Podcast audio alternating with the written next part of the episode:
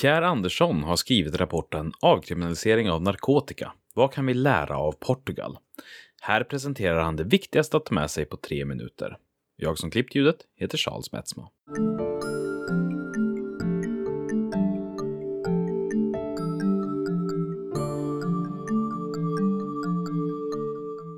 I den eh, svenska debatten och i den globala debatten kring narkotika så är det många som hänvisar till eh, vad man gjort i Portugal där man avkriminaliserade narkotika 2001. Jag har skrivit en rapport om det här för eh,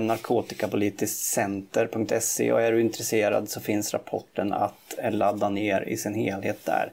Jag tänkte ge tre korta medskick från rapporten här och nu. Den första är att eh, den här reformen är lite missförstådd. Det var en betydligt bredare reform än bara den här lagändringen som alla pratar om. Eh, det man gjorde var att man genomförde ett 30-punktsprogram eh, med, med, med, stora och breda åtgärder där en, en viktig del var en, en, mycket ambitiös satsning på, på vård och behandling och det är någonting som sällan kommer fram. När det gäller dödligheten så hör vi ofta om hur man avkriminaliserade och dödligheten gick ner och det gjorde den mycket riktigt också de första åren. Det vi ser nu är att kurvan har vänt uppåt. 2017 så var man igen uppe på ungefär samma nivåer som året innan avkriminaliseringen. Eh, vi ser också att det sprids en del felaktiga siffror faktiskt när det gäller dödligheten eh, och hur den har utvecklats. Där man redovisar då att Portugal ska ha haft 369 dödsfall 99 eh, och 2016 skulle man ha 30 dödsfall vilket minst sagt är en remarkabel minskning. Problemet med det är att man då jämför två helt olika mått, två olika definitioner.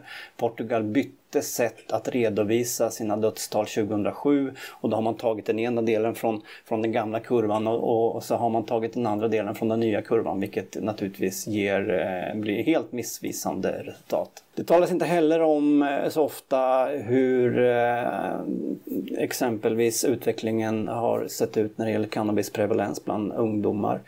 Vi ser i de här ESPAD-undersökningarna som görs över hela Europa att Sverige och Portugal låg på ungefär samma nivå 99 eh, medan eh, efter det då, den senaste mätningen så, så ligger Portugal tre gånger högre än Sverige. Sverige ligger kvar på ungefär samma låga nivå.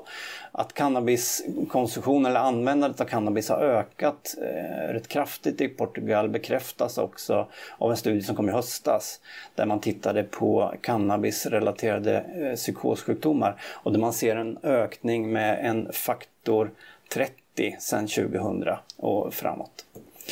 Jag eh, tycker att ni ska läsa den här rapporten själva. Den finns som sagt att ladda ner ifrån narkotikapolitiskcenter.se. Eh, jag tror att det finns en del vi kan lära oss av Portugal, inte minst eh, kring deras vård och behandling och hur de, hur de samordnar mellan olika behandlingsinstanser och hur de har en snabbhet i systemet. Och sådär. Men eh, läs gärna själv och bilda en egen uppfattning eh, om själva avkriminaliseringen för jag tror inte att den har varit avgörande.